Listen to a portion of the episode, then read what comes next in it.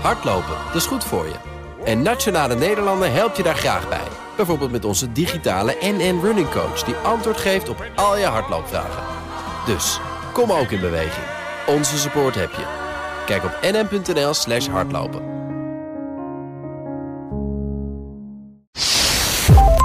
Eigenlijk, ja, zou ik zeggen ja. Als ik minister zou zijn, ja, gauw regelen. Hallo, ik ben Kees Dorrestein. En ik ben Diederik Gommers. Ja, bekend IC-arts en OMT-lid. En in deze podcast beantwoordt hij jouw coronavragen. Stuur je vragen naar me op via WhatsApp 06 8370 9229, via de mail gommers.bnr.nl of via Instagram BNR Nieuwsradio. Dan leg ik ze aan hem voor. Vraag het. Gommers. Goed dat je erbij bent en dat je weer luistert, dat je vragen hebt ingestuurd. Onder andere veel vragen over die boosters. Hè? En uh, wat vragen over hoe we de zorg misschien kunnen ontlasten. Misschien wel met een apart ziekenhuis voor COVID-patiënten. Maar allereerst, Diederik, hoe is het? Ja, nou ja, ik heb deze week zaaldienst en het is druk. Ja, natuurlijk ook logisch. Ik bedoel, dat ligt vol, hè? Het ligt aardig vol. Dus we zoeken iedere dag naar een plekje. En dan vooral in onze regio hier in Zuidwest-Nederland. Hebben we echt nu elke dag wel dat bepaalde ziekenhuizen in de problemen zitten. Dus hebben we meer overleg. Maar um, mijn diensten waren, waren prima te doen. Hier in Terrasmus. En uh, ja, wat we, we moesten een beetje kijken. 3 december dan zouden we tegen code zwart aan kunnen zitten. Het is 3 december als we dit opnemen. Hoe, hoe zit het? Ja, de besmettingen zijn iets minder hard gestegen dan toen voorspeld. Ik weet, volgens mij zitten we nu iets boven de 600. Ja, en uh, we zitten onder um, de 1 wat betreft het R-getal. Ja, dat is weer wat anders. Hè? Dus dat is het reproductiegetal, dat, hè, dat, het, dat de besmettingen toenemen. Maar het ging natuurlijk over de code zwart, ging het natuurlijk over, over de IC-bedden. En die, en die bezettingsgraad was de verwachting een, twee weken terug dat we op 3 december op 682 zouden zitten. En we zitten nu op 600 dus. En we zitten net op 610 of zo, 600. Dus we merken dat de ziekenhuizen overvol zijn. Er zijn ook wel meer operaties afgeschaald. Daardoor zijn er weer meer IC-bedden gecreëerd. En we is landelijk afgesproken om aanstaande maandag naar 1250 IC-bedden te gaan. Dus dat geeft dan weer een beetje lucht in het systeem. Ja, dus we hebben code zwart dan net vermeden? Of? We zijn er nog niet. En, en, en hopelijk, en we gaan natuurlijk ons best doen dat we daar niet in terechtkomen. Um, en als dat reproductiegetal echt klopt, um, ja, dan hopen we dat we er van de week natuurlijk ook gaan zien of het gaat afvlakken. Dat zullen we afwachten. Dus ja. de verwachting is dat het de komende dagen nog stijgt. Dus komende week ja, wordt nog een, ja, ik zeg het altijd zo vaak, hè, spannende week. Maar ja, en als die reproductiegetal klopt en de besmettingen lopen af, dan zou het misschien ook wel mooi zijn dat we er dan weer eind volgende week een daling mogelijk aan zitten komen. Ja, dat zou geweldig zijn. Ja. Want dan redden we het weer met z'n allen. Maar dan is het ook wel weer echt langs het randje, maar gelukkig. ja, net zoals vorige winter, hè? toen gebeurde dat ook. Um, toen zijn wel wat belangrijke operaties uitgesteld. Hartoperaties, kankeroperaties, die dan toch al een beetje zijn verlengd. Hoe zit dat nu? Ja, nu ook. Nu ook? Ja, je ziet gewoon omdat die druk op de bedden, en in sommige ziekenhuizen is dat heftiger dan andere. Maar we zien nu dat we essentiële operaties moeten helaas afzeggen. Of een dag uitstellen, of twee dagen uitstellen, of helemaal afzeggen. En dat zie je ook in de, in de sterftecijfers. We zien meer sterfte. Nou, dat kan komen door de COVID. Maar we gaan later horen of dat misschien ook gewoon komt door uitgestelde operaties dan wel behandelingen. Oké. Dat weten dus- jullie nu nog niet? Hè? Nee, Dat, de CBS heeft die, daar, die moeten dat nog analyseren. Maar als je gewoon in het ziekenhuis staat, zie je gewoon dat je bepaalde dingen die je normaal gesproken wel zou doen, dat je die niet, nu niet kan doen, omdat je geen capaciteit tot je beschikking hebt. Ja, en we gaan het zien, maar voor op dokter op de werkvloer heb je het idee dat, dat je toch af en toe kwaliteit laat, moet laten lopen. Om dit überhaupt te, te kunnen doen. Ja. Um, voordat ik naar de vragen begin, nog even één ding. Dan heb je zelf al uh, uitgestelde operaties meegemaakt die niet zijn doorgegaan omdat de patiënt dan is overleden? Nee, niet. Maar ik ben ook niet degene die de indicatie voor operatie hebben. Want de mensen die op de intensive care liggen en voor spoedoperaties gaat, dat is dan weer spoed. Die gaan meestal in de avonden en nachten wel door. Ik ben, nog, ik ben niet de dokter die zeg maar een operatie bij zijn patiënt die vaak op de poli komt. En als hij dus uitgesteld moet worden. Nee, dat, he- ik persoonlijk heb het nog niet Nee, meegemaakt. nee, heb je wel dan een beeld hoeveel van die operaties dan hier in Rotterdam zijn uitgesteld? Of? Nee, ja, we zien onze wachtlijst groeien. Dus we hebben nu een wachtlijst van ruim duizend uitgestelde operaties. En we zien iedere week dat die, dat die wachtlijst aan het groeien is. Dus we, we weten gewoon dat we operaties blijven uitstellen. Ja, en dat, dat, dan weet je ook dat dat niet goed is. Nee, exact. Voordat we beginnen, Marlies, Lieneke, Stefanie, ehm, Willem, Marielle, Anne, die eh, bedanken ons allemaal voor de podcast. En die wensen zorgmedewerkers sterkte. En dan natuurlijk gericht op jou, aangezien ik helemaal geen zorgmedewerker ben. Ehm, maar eh, eh, bij deze, ik krijg elke week krijg ik eigenlijk meer berichtjes. En af en toe pak ik er wat uit. En dan Oh, vind wat aardig, wat aardig. Vandaag zeggen. kregen we ook een cadeautje van, met chocola en hapjes voor alle intensivist-medewerkers eh, in het Erasmus. Ja. Zo gaaf om te krijgen. Dat is ook een beetje waardering. Heel erg mooi. Je bent ondertussen, je hebt zo'n drukke dag dat je af en toe eventjes tijdens de podcast even een boterhammetje moet eten. Ja, ik heb, nog, eh, ik heb nog geen tijd gehad om te lunchen. Echt? Het- Ik ben alleen maar bezig. Het ja. is vier uur in de middag. Ja, en ik heb een eh, nachtdienst gehad, dus ik heb ook niet zo geweldig geslapen. Dus ik had eigenlijk vandaag compensatiedag. Zoals we dat dan zeggen, dan mag je lekker naar huis. Maar ja, dat is ook nog niet van gekomen. Nee, allemaal vergaderingen en dat soort dingen. Potverdikkie. Nou, eet even lekker je broodje. Lees ik de volgende vraag eh, voor. Eh, we beginnen met een vraag van Leo. Hij zegt: Mijn vraag aan de heer Gommers is hoe het toch mogelijk is dat de kinderen van zorgmedewerkers van vitale beroepen nog steeds geen voorrang hebben met testen. Bijvoorbeeld, ik zelf werk in de zorg, moest vandaag mijn kind ophalen en laten testen. En dus langer weg van het werk. Eh, zo mis je ook zorgcollega's en ook handen aan het bed als je dat nodig hebt. Hoe kan dat toch? Ja, hoe het kan, weet ik niet. Maar het, het moet eigenlijk gewoon niet kunnen. Je zou eigenlijk willen dat er meer flexibiliteit is. Eh, en dat je, dat, dat je dit soort dingen gewoon meer kan regelen. Of vanuit je werkgeversrol. Dat we dat meer mogen regelen. Eh, maar dat, ja, dat moet dan vanuit VWS komen natuurlijk. ja, maar dat, zij moeten iedere keer weer dan weer nieuwe regels. En ze hebben waarschijnlijk zoveel van dit soort uitzonderingen en aanvragen. Dat het voor de GGD niet te doen is. Eh, Nee, maar is het niet gewoon makkelijk om te zeggen... als je in de zorg werkt, ja, dan maar breed pakken. Dus ook desnoods als je huisarts bent... want die zijn ook hartstikke hard nodig. Ja, en je hebt thuiszorg, hè? Ja. Mensen in de VVT eh, of in de verpleeghuizen. Ook om, maar dat is natuurlijk heel veel mensen zijn heel belangrijk. Ja, maar ja, oké, als je de hele... politie. Ja, maar dan pak je nu de zorgsector, want dat loopt over. Ja. Kan je dan niet zeggen als GGD zijnde... oké, iedereen in de zorg en ook de kinderen van de mensen in de zorg... die krijgen gewoon voorrang aangezien met testen... aangezien die ook gewoon weer snel aan het Ja, eigenlijk ja, zou ik zeggen ja. Als ik minister zou zijn, ja, gauw regelen. Ehm, de heer A. Bos dan. Hij zegt, kan iemand me uitleggen waarom andere landen al weken boostprikken zetten? Frankrijk heeft er eh, al eh, miljoenen geplaatst, schrijft hij. Ehm, en waarom we in Nederland toch achteraan lopen?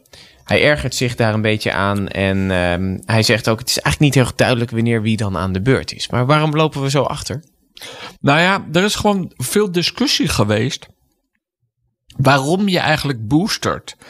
Want, en dat is best een lastige, want het klinkt zo logisch. Hè? We gaan boosteren, want dan heb je meer antistoffen, want minder besmettingen. Maar je doet het uiteindelijk in het voorkomen van ziekenhuisopnames en IC-opnames. Want is het erg als je besmettelijk bent? Als iedereen gevaccineerd zou zijn, nee. En als je lichte klachten krijgt, is dat erg. Nee, dan maakt je lichaam weer nieuwe antistoffen aan. Dus uiteindelijk heeft het een tijdje geduurd voordat het duidelijk werd in Nederland ook dat mensen die naar de ziekenhuis kwamen, dat die volledig gevaccineerd zijn. En dat is wat je op een gegeven moment zag bij die 70-plussers, maar eigenlijk bij de 80-plussers, dat we die ineens een toename zagen in de ziekenhuisopnames. En dat is zo'n dag of veertien geleden. Ja. Want het besluit om te boosteren was al, als ik het goed begrepen heb, begin november genomen door de Gezondheidsraad. En, en we wisten ook dat als het, als het besluit door de minister zou genomen zijn om te gaan boosteren, dat dan het nog vier weken zou duren omdat de GGD gewoon nodig heeft om dat te doen. Ja, en achteraf kan je dan zeggen, ja, maar waarom, waar heeft dan precies die vertraging in Ja. gezeten? Want dat is natuurlijk zonde van de tijd. Ja, daar, daar ben ik niet bij betrokken, dat weet ik niet. Nee, oké, Eh, alleen achteraf vraag. zeg je nu van ja jongens, hoe kan dat nou? Want in die overzichten zie je alle landen zie je het als een speer stijgen. Hoeveel mensen ze boosteren. En in Nederland zitten echt helemaal onderaan een zwak horizontaal lijntje. Terwijl het natuurlijk eigenlijk gewoon heel hard verticaal moet worden. Ja. Nou, dan eh, gaat Floor daarop verder. Die heeft ook een boostervraag. Eh, hij zegt, is die boostercampagne die Nederland voor ogen heeft eigenlijk wel nodig? Eh, want als je zeker kijkt naar de bevolking eh, 60 min... ehm, die, die hebben waarschijnlijk al corona opgelopen... voordat ze een boosterprik kunnen krijgen met deze besmettingen. Ja. En boosteren is eigenlijk gewoon dat je opnieuw contact komt met het virus. En dat kan natuurlijk ook gewoon op de natuurlijke weg. Maar je, kijk, we, waar we bang voor zijn, is dat het vaccin effectiviteit afneemt. Zodat je weer ernstig ziek wordt. En dat wil je koet, koet voorkomen. Ja. En daar ben ik het helemaal mee eens. Daarom is het zo ontzettend belangrijk om die 60-plussers te doen. En niet de jongeren. Ja, die jongeren ga je boosteren om mogelijk de aantal besmettingen omlaag te brengen, maar niet om die ziekenhuisopnames omlaag te brengen. Ja, want het is een beetje zoals we nu kijken. Op het moment dat je antistoffen heel hoog zijn, dan, eh, dan is de kans ook kleiner dat je niet besmet wordt. Als ze wat lager zijn, zoals nu de situatie is, omdat ieder zijn vaccin een beetje aan het afnemen is, dan eh, is er een, een aanzienlijke kans dat je gewoon besmet wordt en dat je het door kan geven. Vandaar dat vaccin- gevaccineerden Ja. het ook doorgeven. Ja, en, en, en dat maakt het lastig, want als meer mensen besmet zijn en ze komen dan toch bij hun opa en oma of vader of moeder en die hebben een van die iemand heeft dan heel voorzichtig gedaan en heeft toch een onderliggende ziekte. Dan worden die mensen ineens besmet. Ik, ik, ik had gisteren dienst en dan liggen hier in, de- in mijn afdeling liggen er nu 24 COVID-patiënten. Maar er zijn er een aantal die volledig gevaccineerd zijn, maar die hebben dan een onderliggende kanker of een niertransplantatie. Maar die waren heel voorzichtig. Maar dan komt er toch een van de kinderen eten of schoon eh, familie. En dan blijkt die dan net daar een kind of een, een vrienden op bezoek gehad hebben die minder secuur waren. En dan is zo iemand toch, ineens ligt hij op je intensive care. En dan ja, is zo'n familie, zo'n partner die zegt: Ja, we zijn zo voorzichtig geweest. En ineens was er iemand bij ons op bezoek die aan het hoesten was. Ja. En dan gebeurt het. Dus het, het, het ongelukje zit in zo'n klein hoekje. Ja. En, dat, en, dat, en die kans ma- maak je groter omdat er meer mensen besmet zijn nu. Maar dan kan je dus ook voorstellen dat zeker die, die jongeren eh, onder de 60 zonder klachten. Ja, kijk, als je twee keer gevaccineerd bent en je krijgt ook nog een keer corona, dan is dat eigenlijk ook een booster. Ja, natuurlijk. absoluut. absoluut. Dus dan, eh, maar dan eh, kan ik me wel afvragen, van, heb je dan die booster nog nodig? Dat is een beetje de vraag van Floor. Nee, eh, je, nou, waar we het ook al vaker over. Je zou heel graag willen dat er dadelijk een systeem komt. dat je gewoon je antistoffen kan laten bepalen. Ehm, je neutraliserende antistoffen, die, die zijn vooral belangrijk. Ik heb toevallig, ik had van de week kreeg ik een testje. Ehm, ehm, en ik had mijn neutraliserende antistoffen bepaald eh, op zondag of maandag. Terwijl ik op zaterdag mijn booster had gehad. Maar ik had geen neutraliserende antistoffen. Nee? Nee. Oh, hoe kan dat? Ja, nou blijkbaar was mijn vaccin al lang genoeg geleden. En als je natuurlijk je booster neemt, duurt het ook een paar dagen voordat je weer neutraliserende antistoffen. En, en, wat, en wat, wat zijn ook weer de neutraliserende die antistoffen? echt het virus uitschakelen, zodat het virus zich niet kan binden aan je ACE2-receptor in je neus. Of Ja, andere dus, dus eigenlijk de eerste lijns afweer. Is Ja, dat. dus en gisteren heb ik, gisteravond heb ik hem opnieuw gedaan. Dus dat is vijf dagen later naar mijn booster. En nu had ik ze wel. Oké, dus nu ben je eigenlijk... eh, Nu heb ik weer een hele hoog. Hè, dat gaat dan ook een bepaalde afkapwaarde. Maar nu heb ik, zit ik weer hoog in mijn neutraliserende antistoffen. Maar dat, dat eigenlijk zou dit zou dat, dat dus heel goed zijn als de overheid zo'n systeem eigenlijk opzet. Want dat hebben we nu gewoon niet. Hè? Nee, maar en dat is, hè, dat zijn eh, experts geven nu informatie welke test en zou dat moeten doen aan, de, aan het ministerie. En die gaat dat bekijken of dat. eh, nou ja, misschien een goede methode is om in te voeren. Maar Ja. er zit natuurlijk ook altijd mitsen en maren aan die testen. Dus je moet ook wel echt zeker zijn of het zin heeft als je dat uitrolt over de hele bevolking. Ja, en dat zijn dan experts van het RIVM. Die, dan, eh, die zijn er nu mee bezig. Ja, dus virologen en, en mensen die daar verstand van hebben. En eh, dus uiteindelijk ligt nu de beslissing bij VWS, of ze dat kunnen uitvoeren. Maar zij hebben nu dus onderzoek gedaan welke testen goed zijn. En daar zijn experts met. Nou, dat VWS rapport wordt nog geschreven en dat rapport gaat binnenkort richting het ministerie. Oké. Maar, maar je zou je kunnen voorstellen dat het zou helpen om, nou ja, straks bij de, als je weer gaat versoepelen aan de maatregelen, dat je dan zegt, oké, maar dan is het misschien handig als je deze en deze test invoert. Ja. En welke precies, daar ga ik niet over. Nee, precies. Maar het, zou, het geeft je wel extra informatie. Als je nou weet dat je geen neutraliserende antistoffen hebt, maar dat wil nog niet zeggen dat je ernstig ziek wordt, want je, hè, je T-cellen kunnen nog heel actief zijn. Mhm. Maar die zijn niet te meten, hè? Nee, dat, dat, dat is weer anders. Ja, dan moet je heel erg in een laboratorium. Daar kan je Mhm. Ook, hè, daar kun je Ja. proefjes voor doen en dat meten. Maar dat is te moeilijk. Maar deze zijn eenvoudige testen. En dan moeten we alleen zeker weten, heeft het zin om dat te gaan testen? Mhm. En eh, houden mensen zich eraan dan, als je dan geen neutraliserende antistoffen hebt, dan moet je ook de vrijheid hebben dat je dan een booster kan gaan halen. Ja. Je moet ook niet een afspraak zeggen, dan die heb ik een afspraak over twee maanden. Mhm. Ja, dat betekent eigenlijk dat je twee maanden binnen moet blijven. Dat, Nee.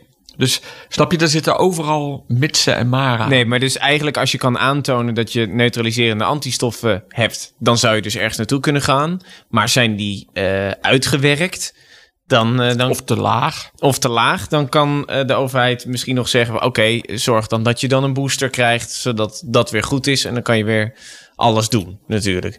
Ja, dus het is echt iets voor het voorjaar. Snap je? Dat, in die fase zitten we helemaal niet. Want we hebben nog niet dat je vrij ergens een booster kan gaan halen. Nee, We zitten nu vooral, we hebben een inhaalslag voor de 60-plussers. Want voor hun is het belangrijk dat ze niet ernstig ziek worden. nee, exact. Ehm, dan de heer Forstermans en Doris, die hebben een vraag. Kunnen we de vaccins niet beter eh, doneren aan landen met een lage vaccinatiegraad? Ook een beetje met de gedachte, dan ontstaat daar geen gekke variant. Ja. Ja, of het beter is, vind ik heel lastig, maar hij heeft absoluut een punt. We willen gewoon natuurlijk, als je dat virus en je wil voorkomen dat varianten zich kunnen ontstaan, ja, dan moet je eigenlijk zorgen dat je zoveel mogelijk mensen gevaccineerd hebt. En zeker in die arme landen is het dan belangrijk, want daar is soms die vaccinatiegraad echt laag. Ja, maar ik denk dat ze dan ook een beetje bedoelen van... eh, dan, dan neem ik mijn booster niet, dan don- doneer ik hem wel. Ja, maar dat, ja, dat zou je graag willen, maar voor sommige mensen is die booster heel belangrijk. Dus als je zegt, ja, onder de 50, daar zouden we het met elkaar nog kunnen hebben straks als alle anderen weer beschermd zijn, of het dan belangrijk is. Maar dan heeft het ook weer een algemeen belang in die besmetting. En ik weet Ja. niet waar we straks in het voorjaar zitten. Of we dan weer risico lopen dat we de ziekenhuizen vollopen. Ik, ho- ik nou ja, hoop Ja. het niet en ik verwacht het ook niet. Ja, je hebt ook wel eens eerder gezegd van... eh, voor sommige mensen ehm, is die prik ook eigenlijk meer een soort van voor de samenleving. Ja. Eh, want eh, je, je zei het net bij jezelf. Jij hebt jouw prik in februari gehad. Januari. Januari. Ehm, jouw eh, neutraliserende antistoffen waren uitgewerkt. Dus daarom heb je een booster. Nu heb je weer neutraliserende antistoffen. Waardoor dat virus niet zo goed doorgeeft.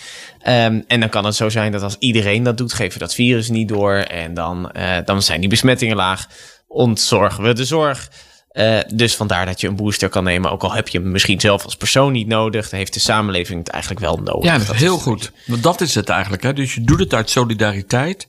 En dan merk je ook iedere keer in de Kamer, zie je ook die discussie. Zijn we nou bezig om de besmetting omlaag te houden? Of zijn we nou bezig om de zorg niet over te belasten? Eh, ja, dat is natuurlijk iedere keer de discussie. Maar heeft dat niet met elkaar te maken? Ja, maar het heeft zo met elkaar te maken, dat wou ik ook zeggen. Dus sec naar het getal besmettingen kijken, ja, is misschien minder interessant. Want uiteindelijk gaat het over, loopt die zorg niet over? Want zolang een besmetting niet gevaarlijk is voor de persoon, ja, is het niet erg. Maar dat weet je nooit, want je, door die hoge besmettingen lopen ook weer mensen die gevaar lopen om wel ernstig ziek te worden, hebben een grotere kans dat ze iemand tegenkomen die dan het virus aan Ja. hen geeft. Het is vaak ook een beetje. Ik denk dat dat vergeten wordt in de discussie. Eh, maar dat is mijn persoonlijke mening. Het, een beetje het verschil tussen een persoonlijke keuze en een soort van teamkeuze. Net zoals in het voetbal. Je, je kan ervoor kiezen om zelf te gaan dribbelen of af en toe een beetje heen en weer te spelen en eh, hopen dat, dat je zo de wedstrijd eh, wint. Dat is het natuurlijk ook voor jonge mensen die eh, misschien gevaccineerd zijn of niet. En nu de optie krijgen van je kan een booster krijgen die misschien denken heb ik helemaal niet nodig. Het is een beetje afweging tussen je persoonlijke keuze en dat, is- dat, dat is het natuurlijk. En eh, de keuze voor, oké, ik neem hem wel gewoon voor, eh, voor het team. Als Ja, voor het grote samen- belang. Voor het grote belang. Ja. Ehm, da- daarmee zeg ik niet dat je hem per se moet nemen of niet. Dat is je eigen keuze. Ehm, ik ken mensen die hem wel heel graag willen en eh, mensen die hem niet heel graag willen of er nog over aan twijfelen zijn. Dat is aan jou. Ehm, Tristan die zegt nog, moeten we rekening houden eh, dat we elk winterseizoen een booster moeten nemen? Oeh, ja, er is al heel veel voorspeld en iedere keer vallen die voorspellingen weer tegen. Nou, het zou zomaar kunnen. Maar als ik de experts mag geloven, want ik, daar reken ik mezelf echt niet toe. Dan zeggen ze nou, als we deze winter door zijn, zijn we al heel stuk. Maar het zou wel kunnen voorstellen dat je vooral een booster moet halen. Mensen die in de hoog risicogroep zitten. Ja, een beetje net als de griep. Ja, net zoals de griepprik. Ja, laten we hopen eigenlijk dat dat het is. Dat het niet voor iedereen is, maar mensen die oudere leeftijd, al of niet met een onderliggende ziekte, dat zij dan een booster moeten eh, krijgen. Ik, Ja. zou, ik zou ervoor tekenen op dit moment. Ja, want dan eh, dat scheelt ook weer al een, een- Ja. enorm eh, plan opzetten. Het is nog steeds groot, maar minder groot dan dat je het voor de hele samenleving moet doen. Diederik zegt: Is er ooit gesproken over een speciaal ziekenhuis alleen voor COVID-patiënten? Ehm, en is dat niet handig? Bijvoorbeeld Ja. in het Slotervaartziekenhuis is gesloten omdat het eh, failliet is gegaan, maar dat ziekenhuis staat er nog steeds. Ja, het is heel belangrijk. Hè? We, we hebben het altijd over bedden en over spullen en een ziekenhuis. En er zijn ook al eh, boten die ingericht zijn als een ziekenhuis. Maar het gaat niet om het materialistische deel, het gaat om het personeel. Dus als er een ziekenhuis COVID maken zou prima zijn, als je dan ook personeel hebt.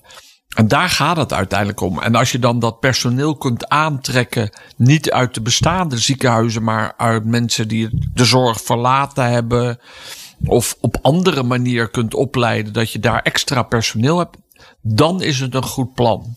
Dus het valt of staat met personeel. Maar dan kan je ook bedenken dat je bijvoorbeeld buitenlands personeel dat eh, uit de zorg kwam hier naartoe is geëmigreerd, maar die krijgen geen BIG-registratie, want daarvoor moet je Nederlands spreken.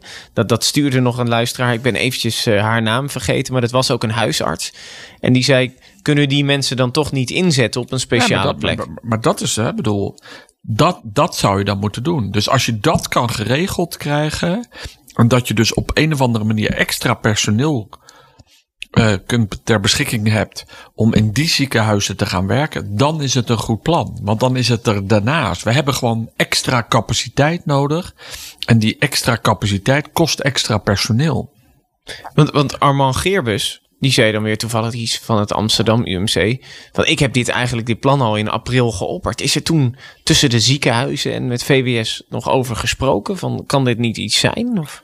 Ja, maar, maar wat je merkt is, ehm, als je bij mij eh, twintig verpleegkundigen weghaalt om in zo'n kliniek te doen, kan ik minder opschalen. Dus je, kunt, dus je moet ze niet ha- weghalen uit de bestaande ziekenhuizen. Nee. En ja, ik heb nog niet van, ook niet van Armand gehoord dat het hem gelukt is om ergens personeel aan te boren, wat we nu niet inzetten. Nee. Dus, dus eigenlijk toen hij dit plan opperde, zei de ziekenhuizen ja, maar dan mag je niet mijn personeel. eh, Nee, maar dat is het probleem. En natuurlijk, dan zeg je ja, maar er zijn ook mensen die, hè, die niet fulltime werken. Maar misschien als ze extra betaald krijgen, willen ze nog wel extra ergens anders Mhm. komen werken. Dat kan. Maar dan moet er dus een extra beloning komen. En dat kan, dat je dan in dat ziekenhuis extra beloont. Maar ja, als je extra gaat belonen, dan gaan misschien mensen zeggen: ja, maar dan ga ik weg bij mijn eigen ziekenhuis, want ik kan daar en daar meer verdienen. Dus je Ja. moet, het is ook niet zo makkelijk. Nee, maar wat ik dus begrijp, het lag, wat dat, dat, ik bedacht me namelijk dat april vorig jaar, dus dat is echt anderhalf jaar eh, geleden, als het niet meer is, ehm, is dit, dit geopperd. En toen is dus eigenlijk gezegd door de ziekenhuizen van, ja, de- we hebben het personeel, kunnen we niet leveren daarvoor. Dus dan moet je ergens anders personeel vandaan halen. Even een slokje water. Je bent Ja, echt heel snel aan het snel. eten. Ehm, nee, maar kijk, het is vaker. Ik bedoel, het heeft niks met Armand te maken. Maar er is vaker gezegd: zou het niet fijner zijn als we het militair hospitaal in Utrecht inrichten voor COVID. Ja. Of, ehm, maar dan kwam het altijd neer. Dan, ja, dat is prima. Dat gebouw staat er, het ziekenhuis staat er. Maar dan is, moeten we er personeel aan afstaan. Ja, en dat maakt het zo moeilijk. En daarnaast is COVID ook wel een lastige ziekte. Want ja, patiënten komen binnen op de eerste hulp en zijn benauwd. Maar dat wil nog niet zeggen dat iedereen die benauwd is, heeft COVID. En dan, Nee. ja, dan kom je dus wel in de gewone ziekenhuizen aan. Ja, en dan moet en je dan daarna blijkt je COVID te hebben. En dan ja. moeten we het allemaal naar Utrecht brengen of Ja. naar het Slotervaart. Maar er zijn ook mensen die, hebben, die komen met een andere klacht, met een hartziekte. Maar die blijken COVID te hebben. En dat is dan een beetje de luxerende factor. Dus ja, het kan dat je de, de makkelijke patiënt, jonge mensen, recht toe recht aan COVID-patiënten, dat je die zou centraliseren, in één ziekenhuis leggen. Maar je moet echt een oplossing bedenken. eh, hoe je dan extra personeel krijgt. En daar wordt achter de schermen aan gewerkt. En ja, we gaan zien of het, eh, of het ze lukt om, om dit uit te werken. Het zou voor de ziekenhuizen ideaal zijn. Want dan kan je je gewone zorg doen. Daarvoor Ja. is je ziekenhuis. Maar dat is dus aan VWS om te kijken van hoe ze dat... eh, Nou ja, VWS ja. kijkt naar die plannen en kijkt of ze daar geld voor kunnen vrijmaken. Maar de plannen moeten wel reëel zijn. Ja, En het kan niet zo zijn dat je die mensen die in die ziekenhuis dubbel betaalt. Nee. Dan weet ik, dan gaan er bij mij mensen ontslag nemen, die gaan daar werken. ja, Ja, dan dat heb ik- vind dan- jij ook niet leuk, nee. Nee, ja, dan heb je het probleem niet opgelost. Dan heb ik een groter probleem. Ja, nee, dat, eh, ik snap dat. Eh, een, een, leuke vraag van Ilse. Zij is geneeskundestudent. En ze had een vraag. Ik dacht, ah, die ga ik even voorleggen. Want zelfs als een geneeskundestudent die het studeert het niet weet, dan moeten we deze beantwoorden. Ehm, en ze zegt, er wordt heel veel gesproken over het meten van antistoffen die mensen ehm, hebben na besmetting of vaccinatie. Nou, daar hebben we het net ook even over gehad. Eh, er wordt dan gezegd dat lage antistoffen een slechter teken is. Maar ehm, is het niet zo dat eh, als je weer met het virus in contact komt, je geheugen B-cellen weer heel snel nieuwe antistoffen gaan maken? Eh, dus dat je eigenlijk helemaal niet kan zeggen van ja, je hebt te lage antistoffen, want je lichaam gaat die automatisch weer maken. Ja, ze heeft eigenlijk helemaal gelijk. En dat maakt het zo lastig. Afweer is best wel een moeilijk systeem. Mhm. Als je heel veel antistoffen hebt, je dan. Op het moment dat het virus in je lichaam komt, zijn die antistoffen paraat. Ja. Maar zij heeft ook gelijk dat die B-cellen, die geheugencellen, die maken dan ook weer antistoffen. Ja. Alleen er zit een klein vertragingje in. Ja. En, en dus als dat goed functioneert, word je niet ernstig ziek. En dat gaat ook verder goed. Alleen Je kan dus wel mensen aansteken. je kan dus net een klein beetje, beetje koortsachtig, beetje één dagje eh, COVID-achtige klachten, griepachtige klachten. En in die periode zou je mogelijk besmettelijk zijn. Dus het ligt wat je doel is. Ehm, Oh, dus het doel eh, besmettingen tegengaan of mensen uit het ziekenhuis houden. Dat Ja. is het een beetje. Alleen het heeft ook wel een beetje in verband. Want op het moment dat mensen dus besmet zijn, kunnen ze een risicogroep aansteken. Via via desnoods. En die hebben wel weer een kans naar het ziekenhuis Ja. Dus het hangt wel samen, begrijp ik. En eigenlijk, als je het dan, als je het dan zo allemaal beredeneert, dan overdrijven we misschien wel heel erg dat je maar antistoffen, antistoffen, antistoffen. Want je, je, je afweer is gewoon veel complexer. Ja, maar het gaat dus ook het verschil tussen de geheugenantistoffen en de eerste lijns Ja, afweer maar die uiteindelijk, uiteindelijk is dit wel belangrijk. Want als we natuurlijk allerlei proefjes of testjes waar we het daar straks over hadden. En je bent toch eigenlijk nog veilig als je lichaam ook gewoon op de natuurlijke weg weer antistoffen aanmaakt.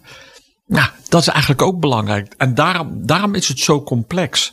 Daarom is het ook zo moeilijk voor de minister om te zeggen: dit is het plan van aanpak. Voor die testen. Ja, voor Dus die dan zou je eigenlijk of voor moeten- anders. Want er is altijd weer een ja maar. Ja, Ehm, het is nooit waterdicht, omdat nou, ja, het mooie van het menselijk lichaam, dat we zoveel opties hebben om het virus ook te proberen te bestrijden als Dus- het je lichaam Dus dan binnenkomt. zou eh, ook de minister goed moeten argumenteren. Het gaat om deze soort antistoffen. Die moeten hoog zijn vanwege die en die reden. Jawel, maar, dat, maar, maar zoals die geneeskundestudent ook zegt. Ja, maar het kan dus ook zijn als je laag zit in je antistoffen, maar je krijgt opnieuw door een feestje of door nou, wat voor reden dan ook het virus binnen. Dan gaat jouw lichaam ook wel weer gewoon antistoffen maken. Dat is ook gewoon boosteren. Alleen op een natuurlijke manier. Ja. Nou, is diegene die op een natuurlijke manier boostert, is dat nou een gevaar? Ja, dat moet je dus... eh, Waar is het een gevaar voor? Ja, Ja. voor zichzelf niet. Want zijn afweer doet het goed. maar voor anderen mogelijk wel dus. Ja, en dat is een beetje de vraag. Dus we zitten ook zo gedetailleerd nu bovenop die wedstrijd. Omdat we eigenlijk er gewoon last van hebben. Dat we te weinig capaciteit hebben in de ziekenhuizen. Ja. Dus ja, Ja, dat is uiteindelijk is dat dan een beetje een hè, cirkel. alles ja. zit met elkaar in verbonden, eh, verbonden. En daar hebben we dan een beetje last van. Dus, en dat maakt het ook zo moeilijk. Want je kan dus, en dat is ook waarom de minister het niet zomaar zegt. Mhm. Ik ga deze test invoeren. Want die is niet waterdicht. Nee. Want dan ja, worden deze mensen uitgesloten. Terwijl ze eigenlijk gewoon gezond zijn. Goede afweer maken duurt alleen een dagje of wat langer. Ja. Ja, maar daarna zijn ze weer goed beschermd. ja, dus we moeten uiteindelijk kijken van eh, de, de, tegen, de- de- wat, wat wil je eigenlijk met die antistoffentesten? En dan, ehm, eh, dan kan je pas bepalen hoe en wat, eh, inderdaad. Dus dat wil je mensen persoonlijk beschermen of in, in, in het geheel. Nou ja, kijk, waar, waar we nu om gaat is... Kijk, we zitten nu nog in de, in de strikte maatregelen. En ah, laten we hopen dat, hè, dat, het, dat het gaat afvlakken. Nou, we, daar hebben we heel veel maatregelen. Dus nou, gaat misschien gebeuren. En dan is het straks aan het dalen. En dan moet je weer zeggen... Oké, maar hoe gaan we nu versoepelen? En dat is eigenlijk stapjes die je wil maken. En die stapjes die je dan wil maken... wil je natuurlijk dan zo veilig mogelijk doen... dat je niet weer, als je het weer loslaat... dat die besmettingen weer, Ja, weer sky worden en heel snel stijgen. En dan heb je ook nog die Omicron, Ja. die weer snel besmettelijker is. Dus, en dan zitten de feestdagen eraan te komen. Er zijn er altijd meer mensen bij elkaar. Dus Mhm. we moeten niet in begin januari in de problemen zijn. Dus dat je daar goed over nadenkt en dat je dan zegt van... oké, maar wat, welke test zou ons helpen om het wat nou, veiliger stapsgewijs los te laten. Ja, dat is wat er nu gelukkig ook hard over nagedacht moet worden. Om het straks op een, op een goede manier te doen. Ja, en no- nog een paar hele kleine dingen. Eh, eh, Brigitte die zegt... Is het niet verstandig dat de overheid een negatief reisadvies geeft... naar landen met een lage vaccinatiegraad? Daar kunnen varianten ontstaan... en daar kan je ook het virus makkelijker oplopen. Want ze zegt eigenlijk ook... ja, als een land met een lastige regering... of met rebellen te maken heeft... krijgt het ook een negatief reisadvies. Dat is Ja, ook gevaarlijk. Nou ja, als je het zo zegt, ja, dan kan het. Ik bedoel, eh, ehm, dat is wat er gebeurt. Aan de andere kant zijn alle landen nu zo bezig en wordt zoveel getest, ook in arme landen, dat je ook wel, ik bedoel, we kunnen ons nu zorgen maken. Natuurlijk is dat virus zo'n variant, gaat al gelijk over de hele wereld. Maar ik vind wel heel goed hoe Zuid-Afrika heel snel gemeld heeft en er bovenop zit. Ehm, en tuurlijk zou het veiliger zijn om dan niet naar die landen te gaan. Maar ja, sommige mensen moeten er misschien heen. Ehm, die, mensen, die landen moeten ook verder leven. Ja. Dat zegt Zuid-Afrika ook. Ja, nu hebben we snel gemeld en wordt gelijk ons land op slot gezet. Dat doen we ook niet meer. Nee. Ja, dat mo- moet je ook niet hebben. Dus ook daar weer vanuit het virus gedacht en uit mutaties. Ja, is dit een goede oplossing? Maar je hebt ook gewoon de economie en we moeten doorleven. Dus Ja. nou, dat is complex. Ehm, Dat maakt het ook lastig, inderdaad. Eh, tot slot, Anne, die zegt tijdens de persco zei Rutte dat we hadden gehoopt dat we eh, nu van de maatregelen af zouden zijn. Maar helaas leeft het overal in Europa op. Dan wordt er wel eens gezegd dat er eh, te veel bezuinigd is op de zorg. Maar ook in Duitsland, met veel plekken in de zorg, hebben ze het zwaar. Zitten we nu in de problemen omdat het vaccin niet goed genoeg of minder werkt? Of komt het door iets anders? Nee, eh, het viel ook mij op dat in Duitsland toch eigenlijk nu ook in de problemen komen. Maar daar is het ook weer net, de vaccinatiegraad is daar wat lager. Duitsers zijn meestal wel strikter dat ze zich beter houden aan maatregelen, opgelegde maatregelen. En ze hebben wel iets meer IC-bedden, maar ehm, ze hadden ook wel weer veel zieken in die verpleegkundigen. En dan blijkbaar kunnen ze al die IC-bedden toch niet bemannen. Maar mij viel het ook op dat als je het overal zo ziet stijgen, dan moet er ook iets aan de hand zijn. Dus helemaal duidelijk is het niet, maar het moet wel iets te maken hebben met een iets verminderde vaccineffectiviteit. En dat je dan dat vooral ziet in die ouderen die dan opgenomen worden. En dat maakt dan eigenlijk niet meer uit of het België, Duitsland, eh, Nederland is. Ehm, maar ja, Duitsland komt ook in de problemen. Ja, maar als je dan naar de, de laatste RIVM-cijfers kijkt, dan van alle mensen op de IC is maar een kwart eh, dubbel gevaccineerd. En de rest is dat dan weer niet. Dus, de, dus dat heeft dan ook gewoon ook te maken met de vaccinatiegraad. En ook dat sommige mensen, eh, of, of een deel van de mensen, dus ook met vaccin gewoon naar ehm, het ziekenhuis komt. Nee, kijk, eh, in de, bij de ziekenhuisopnames is het zo, geloof ik, 50-50. 50-50, ja. En bij de IC-opnames is nog steeds 70% of meer Ja. ongevaccineerd. 70, eh 30 is het dan. Ja. dat is echt wel een verschil. En dat is wat je met elkaar wil voorkomen. Maar het is gewoon indrukwekkend waarom Duitsland toch, ondanks dat ze meer IC-bedden hebben, toch in de problemen komen. En, Mhm. Ja. en die begrijp ik nog niet helemaal. Is het dan omdat zij een lagere vaccinatiegraad hebben, maar wel meer IC-bedden? En wij hebben een hogere vaccinatiegraad, maar minder IC-bedden? Ja, Dat moeten we dus eigenlijk even uitzoeken. ja. Dus dat is, want eh, uiteindelijk krijg je een beter beeld. Om eh, kort samen te vatten, dat ehm, eh, eh, de, de, de balans op de IC tussen de gevaccineerden en niet-gevaccineerden. En als je daar dan ook heel veel ongevaccineerden ziet, dan kan het dus met die lage vaccinatiegraad te maken hebben. Maar ook met de griepprik. Mensen die dat krijgen, komen nog wel eens met griep in voor, voorgaande jaren eh, naar de IC. Want Ja. het, werkt gewoon niet bij iedereen. Ja. Dat, dat kan eh, de pijnlijke conclusie. Ehm, heb je nou zelf een vraag? Je kan hem sturen via WhatsApp naar het nummer van het begin van deze eh, podcast. Die je daar hoort. Dan krijg ik hem binnen. Dan ga ik ze allemaal selecteren. Ehm, of stuur een mailtje naar gommers.bnr.nl. Eh, Diederik, kan je dit weekend wel een beetje bijkomen? Nog van, van Nee, want ik heb morgen eh, 24 uur ehm, dienst. Oh, Van nog. 8 tot 8. eh, dus ik ben zondag vrij. Zondag. Oké, nou zondag. Ga ik Sinterklaas vieren. Sinterklaas. Nou, dat is dan wel leuk. Heb je je schoentje al gezet of Ja. is dat voor zondag? Voor zondag. Oké, voor zondag. Dankjewel weer. En tot de Graag volgende. gedaan.